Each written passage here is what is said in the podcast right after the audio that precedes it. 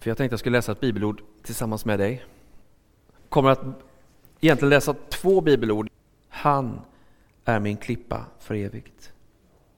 Men jag har Gud. Han är min klippa för evigt. Och så vill jag bara läsa några rader från Efesierbrevet, det första kapitlet också. Från vers 18. Må han ge ert inre öga ljus så att ni kan se vilket hopp han har kallat oss till. Vilket rikt och härligt arv han ger oss bland de heliga. Hur väldig hans styrka är för oss som tror. Samma oerhörda kraft som han med sin makt lät verka i Kristus när han uppväckte honom från de döda och satte honom på sin högra sida i himlen. Amen. Om det är så att det är någon som har varit på Grönland eller så, men det kanske inte är. Jag har hört nämligen om Grönland och jag vill tala om Grönland i en halv sekund. Jag kan inte så mycket annat, men jag förstår att när jag har läst mig till det så verkar det inte som att det finns något ord på Grönland för, eh, för snö. Och det där har att göra med att det förmodligen är ganska överflödigt, hur grönt det än låter med ordet snö, därför att det är ett tillstånd som är konstant, det finns is och kyla och snö. Och jag tänker att det är så precis som med Saharas öken, att man inte kanske går runt och pratar så mycket om barmark där heller. Därför att det är också någon form av eh, tillstånd va? som är så naturligt. Och min enkla poäng med detta är att jag tror att det är så här att vi är skapade i en sång. Att vara en sång och att bära på en sång som är evig, oantastlig, outsläckbar. Men det är bara det att i himlen, som jag föreställer mig, och runt Guds tron så pågår den här sången oavbrutet. Den flödar.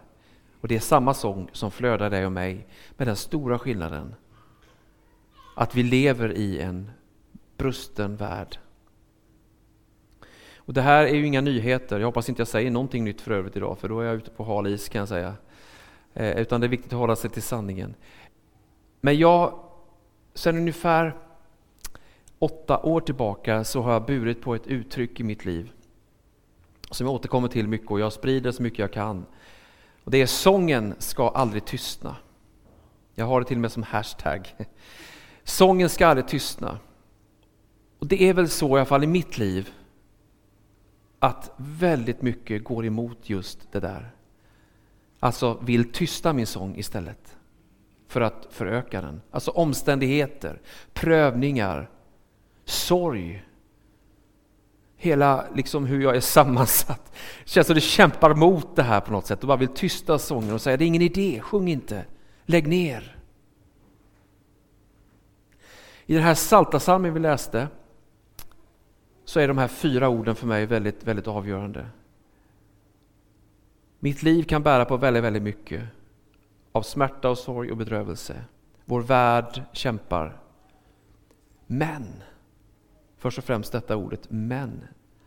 Där är inte allt sagt alltså. Det som, som på något sätt vill trycka ner, döda och förgöra glädjen och sången som Gud har skapat oss i, med.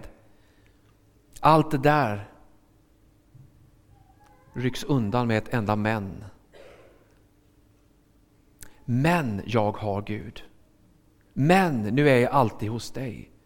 Vad jag än går igenom. Och när jag åker till Karlstad idag så slås jag av det här uttrycket att, ja, det är ju inte bara ett uttryck men det är ju en sanning att Gud, han som har skapat oss och satt igång allting, satt allting i rörelse.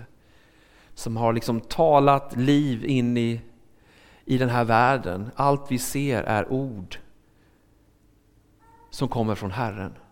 Allt det vackra jag passerar när jag åker genom Dalsland. Och du och jag, hur vi är konstruerade och allt det här fascinerande. Det är ord från Gud, det är Guds ord. Han har talat. Och det jag slås av är just att det är också han, ingen annan, som har sista ordet. Jag återkommer till det här jättemycket, det kan ha med, med det allvar som vi lever i den här tiden. Vi kan förfäras, vi kan vilja fly.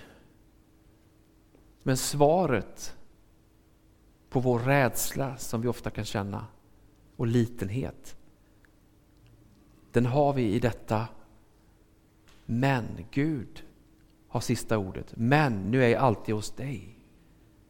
Men, alltså Kristus, Jesus Kristus är det stora utropstecknet och jag har sjungit och spelat hela mitt liv.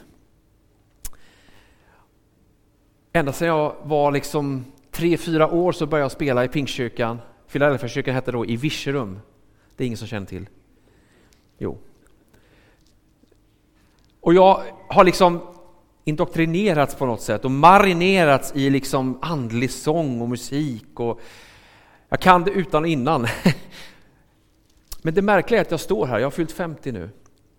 Och jag känner att jag har inte ens börjat sjunga. Det finns så mycket sång som jag vill upptäcka, som jag vill leva i, som jag vill inte bara stärka min egen tro, min väg och vandring med, utan också sjunga ut i den här världen. Det finns en sång för dig, Karlstadbo, eller Sävedalenbo, eller Virserumsbo, eller vad du än är. Om du inte känner den, så finns det en sång som Gud har lagt ner, en ton från sitt eget hjärta. Som när allt annat brus vill trycka undan och tysta och förringa kanske, och förlöjliga, så finns den där, eller hur? Och den bär. Den bär oss ända in i evigheten. Vi läste från Efesierbrevet, han har gett oss ett ljus, ett inre ljus, en blick, ett öga som inte den här världen kan ge. Som inte ens alla statusuppdateringar kan ge på telefonen eller nyhetsflöde som bara sköljer över oss. Men som finns där. Därför att det är skapat av Gud. Och det ljuset har med den här sången att göra. Den här sången har med det ljuset att göra. Och det är det som jag känner att jag skulle önska att vi fick be för idag och, och eh, lyssna till ännu, ännu mer. Jag har under ganska många år brottats, egentligen så länge som jag har varit liksom tonåring och vuxen, det är ju några år nu då, eh, kämpat med ett oroshjärta. Ett oroshjärta. Jag vet inte om det är någon som känner igen det här. Alltså att, att det känns oroligt i hjärtat. Och då kom vi ihåg att ja, men jag har ju växt upp i en trygg miljö, fått höra om Jesus, tagit emot honom. Jag döptes när jag var 11 år. Då tyckte jag det var dags att lämna synd och flärd. Och så gick jag ner i ropgraven till min pappas stora förfäran. Han var inte riktigt mogen för det då. Men jag kände att jag var redo. Ändå så är det ju inte så att det här oroshjärtat försvinner. Den här oron som också kan vara ängslan, ångest, ensamhet. Ibland skriker jag till Gud i hyrbilen. Jag hoppas inte de har någon, någon, någon bandspelare som spelar in det här. Men då skriker jag Gud, kan du inte, du har all makt, kan du inte bara ta den här oron, den här det här jag brottas med, den här ångesten.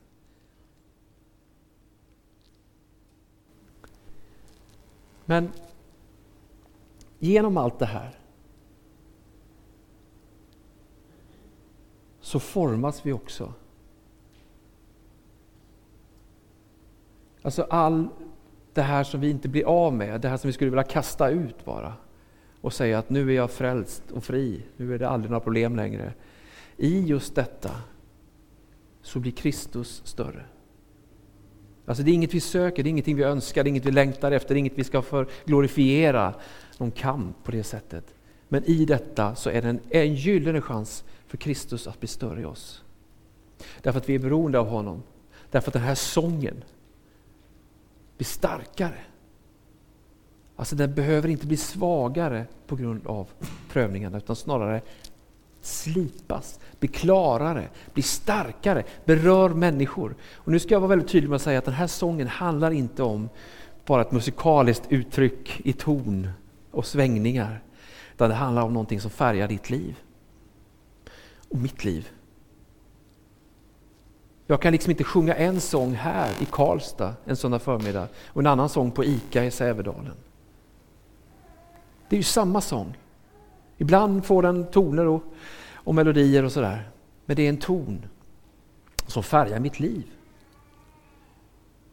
Och jag tänker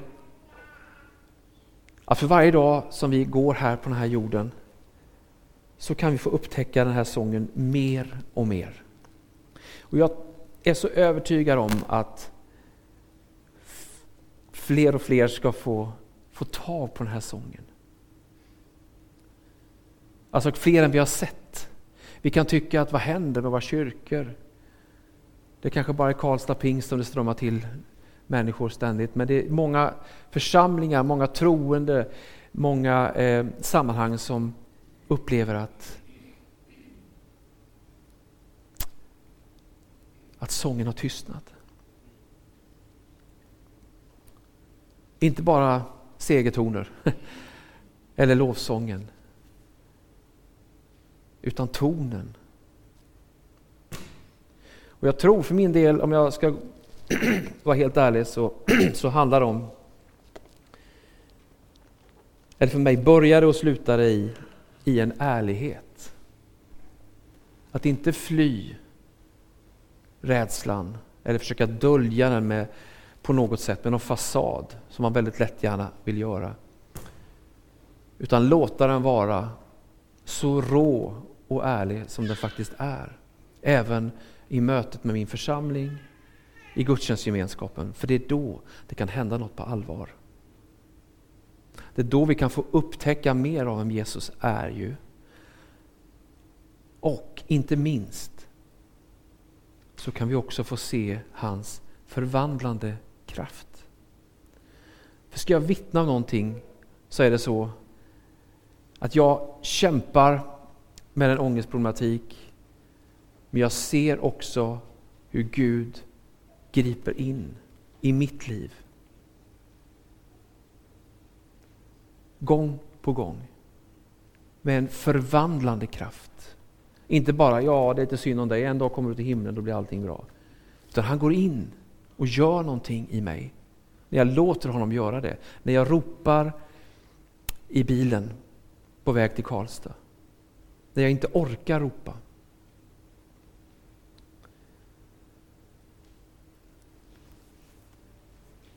Vi ska ju alldeles strax eh, be tillsammans och, och sjunga lovsång. Och jag ska sjunga en, en sång för dig eh, från mitt hjärta och utifrån den situation som jag lever i och som jag tror jag delar med väldigt många människor. Och som jag tror är någonting vi har i den här tiden inte minst. Men innan jag gör det vill jag bara säga att ibland tänker vi att för att vi ska få tag på den här sången, den här tonen, så hänger det på oss. Jag vill bara befria dig idag. Det hänger inte på dig. Det hänger inte på hur du formulerar dig eller hur du anstränger dig eller visar Gud på olika sätt. Det räcker med ett litet, litet tecken.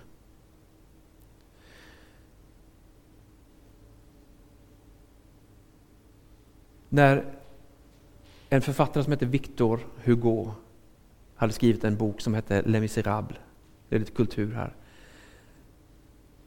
så var han utarbetad och drog på semester. Och han tänkte nu ska jag släppa all tankar på jobb och skriva bok. Sam vet vad jag pratar om. Eh, tror ni han kunde släppa tanken på sin bok på semestern? Som precis hade getts ut? Nej, det kunde han inte. Han tänkte på den dag och natt och till slut kände jag måste bara veta hur det går. Hur tas den emot? Hur blir det? Och så skriver han ett brev hem till sin förläggare som håller ställningarna där hemma. Och när han öppnar brevet där hemma, förläggaren, så allt som finns i brevet är ett stort frågetecken. Det var allt. Inget hej hej och inga utläggningar, bara ett frågetecken. Och förläggaren skickar ett brev tillbaka till Viktor Hugo där han sitter på sandstranden och undrar hur det ska gå. Och där kan han läsa ett stort utropstecken. Det var allt, det var hela korrespondensen. Men det som var fascinerande med det här var att det behövdes inte mer. Därför att de här två tecknen representerade så mycket längtan, så mycket drömmar, så mycket kamp, oro, ängslan. Så att Båda parter förstod exakt vad det handlar om och så är det mellan dig och Gud. Han är så involverad i ditt liv och mitt liv. Så jag måste inte skriva massa A4 sidor med, med text. Det räcker med tecken. Kanske en suck. Kanske en uppgiven gest. Kanske en, vad det nu kan vara. Gud förstår. Och han vill röra vid dig